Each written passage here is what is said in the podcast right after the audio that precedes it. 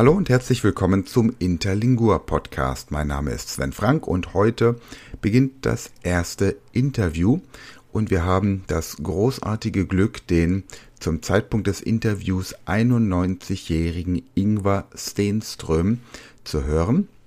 Ingvar ist der großartige Pionier der Interlingua-Bewegung, derjenige, der Alexander Gode von Esch, den damaligen Initiator des Zusammenstellens des internationalen Vokabulars auch noch persönlich kennengelernt hat.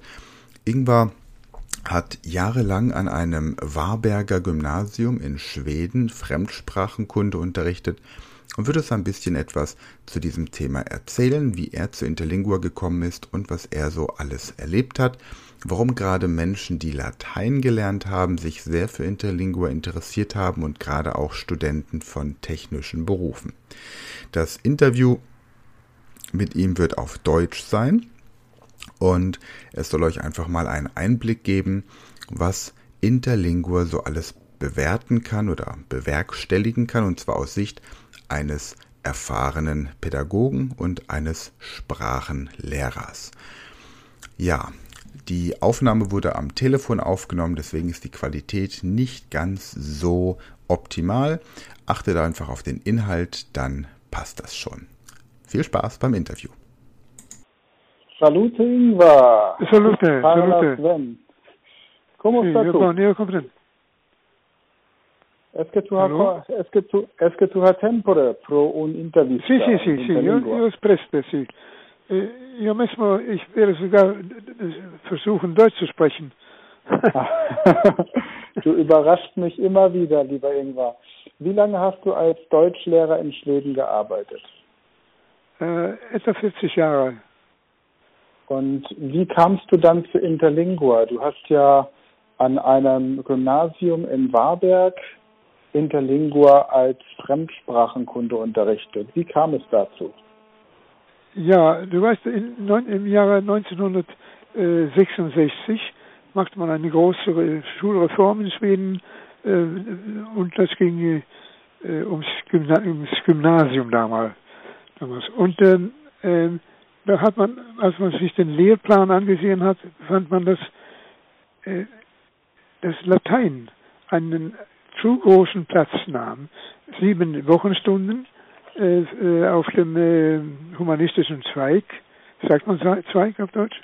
Ja, Ja, genau. Auch. und- ja. Ja, und, äh, und äh, da hat man also verstanden, dass, dass er zur Kommunikation eigentlich nicht beitrug. Und da hat man gesagt, das, das war das Geschäft, die Geschäftsleute und, und die Akademiker, sie sagten, das muss äh, irgendwie reduziert werden. Natürlich wollte man nicht äh, äh, Latein ausschmeißen und deshalb hat man beschlossen, dass äh, die Humanisten äh, äh, Latein wählen konnten, aber sie sollten auch ein anderes Fach haben, das den nützlichen Teil, den nützlichen Teil des Lateins ähm, bearbeiten sollte. Und das ist natürlich die, int- der internationale Wortschatz. Und als ich, äh, als ich dieses Dokument sah, schlug mich unmittelbar der Gedanke, das ist ja doch, was wir in Interlink, mit Interlingua anbieten. Und äh, ich äh, fing an, ein äh, Lehrbuch auszuarbeiten, der nicht nur auf Interlingua als äh, Kommunikations, Kommunikationssprache äh, äh, behandelte, sondern äh, vor allem erklären sollte, wie der internationale Wortschatz aufgebaut ist.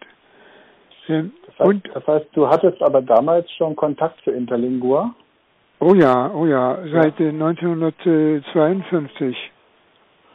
Oh ja. Erzähl vielleicht ganz kurz, wie hast du von Interlingua gehört? Weil es gibt ja viele Lehrer, die auch jetzt diesen Podcast hören und sich natürlich, gerade die, die Lateinlehrer, die sich natürlich auch immer überlegen, wie erkläre ich meinen Schülern, dass Latein als Sprache der Akademiker und so sinnvoll ist.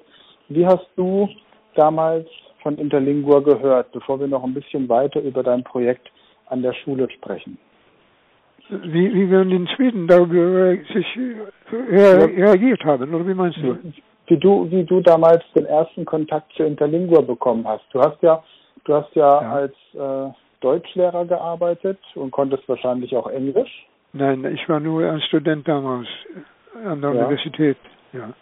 Und merkwürdigerweise, äh, ich lernte dann Interlingua natürlich sehr schnell und äh, ohne eigentlich, äh, eigentlich ein Lehrbuch zu haben. Äh, und äh, da, da also ich studierte Phonetik und da mhm. gab es in, in der Literatur, in der Fachliteratur, ein Buch auf Portugiesisch. Und ich sah, das sieht wie, ungefähr wie Interlingua aus. Und ich versuchte dieses Buch zu lesen und, und es gelang mir, ein, ein Buch, ein Fachbuch auf Portugiesisch zu lesen obwohl ich nie ein Wort Portugiesisch gelernt hatte. Hat, Aber das ist natürlich an, Ausnahme. Hattest du an der Universität von Interlingua gehört? Nein, ich wusste schon davon. Ich wusste schon davon. Und wer war, du hast ja wahrscheinlich alle Größen. Hast du Alexander Gode noch kennengelernt? Bitte? Hast du Alexander Gode von Esch noch kennengelernt? Äh, nein, nein, das habe ich nicht, nein. Nein. Er okay. hatte nur ein paar. Nein, nein, nein. Ja. Und dann kam die Idee, in Schweden Interlingua als Fremdsprachenkunde am Gymnasium anzubieten. Das ja, hattest aber das, nur das heißt, Haben das mehrere also, Lehrer angeboten? Ja, bitte, ja. Aber wir mussten dazu äh, einen Unterschied machen. Also äh, äh, die Fremdsprachenkunde wurde also nicht durch Interlingua ersetzt sondern mit meinem Buch und äh, mit dem äh, Lehrbuch von Professor Adler Ellegood, der, der die Initiative genommen hatte, äh, äh Latein aufzuspalten in den, den, nützlichen Teil und den anderen Teil zu sein, die historische, wichtige. Ähm, ähm, ähm, äh, er, er ihm entgegnete viel, viel Widerstand von äh, alten Latein, Lateinlehrern natürlich. Aber äh, er war ein kreativer Mann, er hat ein Lehrbuch geschrieben und dieses Lehrbuch hieß Die internationale Uden, das heißt die internationalen Wörter. Und das sollte meiner Meinung nach, meiner Meinung nach äh, auch der Name des Faches sein. Äh, denn was sagt eigentlich allgemeine Sprachkunde. Das sagt nichts, das sagt nichts eigentlich. Aber es handelt um die Wörter oder den, den, äh, der um den Bestandteil äh, des internationalen Wortsatzes, Wortsatzes das in, in allen den romanischen Sprachen zu finden ist und in allen europäischen Sprachen mehr oder weniger zu finden ist. Wir haben ja tausende von lateinischen Wörtern in Schweden, mhm. die wir nicht verstehen. ja. ja. Und jetzt, jetzt ja, könnte man, jetzt könnte also, man ja sagen, ja? Ja, dann habe ich, habe ich äh, äh, angefangen, das äh, zu unterrichten, dieses Fach zu unterrichten. Und äh, äh was wurde es den Schülern klar, dass dies, dies wirklich behilflich war beim Sprachlernen in, in, Französisch und Spanisch und was ich noch haben, oder Englisch natürlich, am, am meisten am Englischen, im Englischen. Und ähm, äh, im, schon im zweiten Jahr führte ich Interlingua-Texte ein, um das Wichtigste äh, zu haben, nämlich die, die äh, Basmopheme. Versteht man dieses Wort in Deutschland? Basmophem? Das ist die Wurzel oder der Stamm des eines Wortes. Ja. Äh, und ähm, äh, da la lasen wir also Interlingua-Texte, äh, die ja ausschließlich aus internationalen Wörtern bestehen. Und äh, da haben sie gelernt, äh, was gemeinsam für die romanischen und, äh, und englischen Sprachen sind und ist und ähm, ähm, äh, die haben sehr schnell eingesehen, dass Interlingua ein wichtiger Teil dieses Faches war. Und ich äh, eignet wohl ungefähr äh, ein, ein Drittel der Zeit, wir hatten drei Wochenstunden, äh, statt sieben in Lateinisch, sieben, sieben mal drei, mal, drei Jahre. In, äh, in der Lingua war es, oder in, äh, in äh, allgemeinen Sprachkunskap, in allgemeiner Sprachkunde, äh, hatten wir nur drei Wochenstunden während eines Jahres. Also äh, ein Drittel davon äh, eignete, widmete sich dem äh, äh, Interlingua-Unterricht und sie konnten Interlingua-Texte lesen. Einige lernen, lernten sogar zu sprechen, aber das war nicht der Zweck, äh, sondern sie sollten also internationale Wörter lernen und besonders also die internationalen Morpheme. Zum Beispiel sagen wir eine, ein Beispiel. Äh, das Interlingua-Wort Illegalitatis. Da haben wir leg, das ist das Basmorphem, äh, äh, heißt das auf Deutsch, gesetzt. Wahr? Und, äh, und äh, legal, da haben wir ein Adjektiv, Legalitate, äh, Legalität und äh, Illegalitates, in ist verneinend und, und äh, negativ, nicht wahr? Und äh, dazu wird il vor, äh, vor einem L, Assimilation. Und da haben wir also von dem Wort Illegalitätes nicht nur ein langes, unverständliches Wort bekommen, sondern ein langes Wort, dessen Teile, Bestandteile, äh, ganz verständlich sind. Ja. Und das ist äh, äh, das Geheimnis von, von Interlingua sozusagen, dass, dass man durch das Erlernen von Morpheme, internationale Interlingua-Morpheme, äh, auch andere Wörter verstehen kann, also äh, tausende von Wörtern verstehen kann.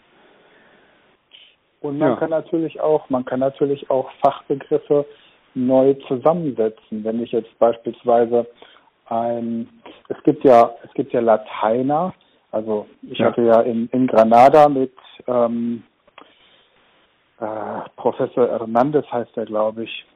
Ich weiß nicht, ob er noch lebt. Ich hatte mich mit sieben Lateinprofessoren in Granada mal getroffen und ja. sie haben zum Beispiel auch moderne Wörter wie Computer oder Telefon ins Lateinische übersetzt. Und so kann ja jemand, der jetzt ein neues technisches Gerät entwickelt, mit Hilfe des internationalen Wortschatzes aus Interlingua ja. Ja, eine genaue Beschreibung dieses Wortes ähm, machen. Ja? Genau. ja, ja, ja, ja, ja, ja. Na, alle, ich alle Schüler fanden es sehr nützlich.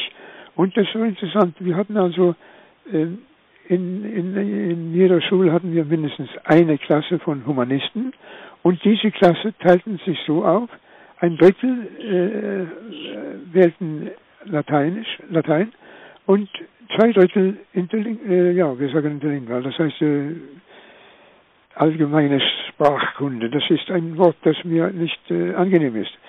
Mhm. Der, der, der internationalen Wirtschaft, möchte ich sagen.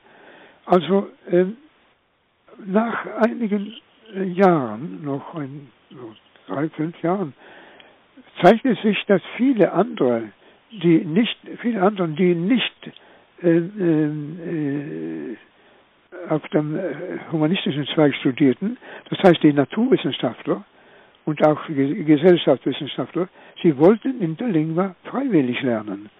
Und während den letzten zweiten Jahren, äh, 20 Jahren meines äh, Lehrerberufes äh, hatte ich zwei Klassen, eine von Humanisten, äh, äh, aus, ja, von Humanisten, ja, und äh, eine zweite Klasse von Naturwissenschaftlern, die ganz freiwillig und äh, extra curricular sozusagen die, dieses äh, Fach wählten. Äh, ein interessantes äh, Beispiel hier. Äh, meine naturwissenschaftlichen Kollegen kamen eines Tages, sie kamen mehrere, mehrere Male, äh, und fragten, könnte ich nicht in ihre Klassen gehen und ein bisschen eine Präsentation von Interlinger haben. Denn sie wollen das lernen, aber sie wissen nichts davon, was, was, wovon es handelt. Ich mhm. ging dahin und einmal waren, anmeldeten sich 93 Freiwillige äh, für das nächste Jahr. Die, die mhm. alle dürfen es nicht, dürfen es nicht.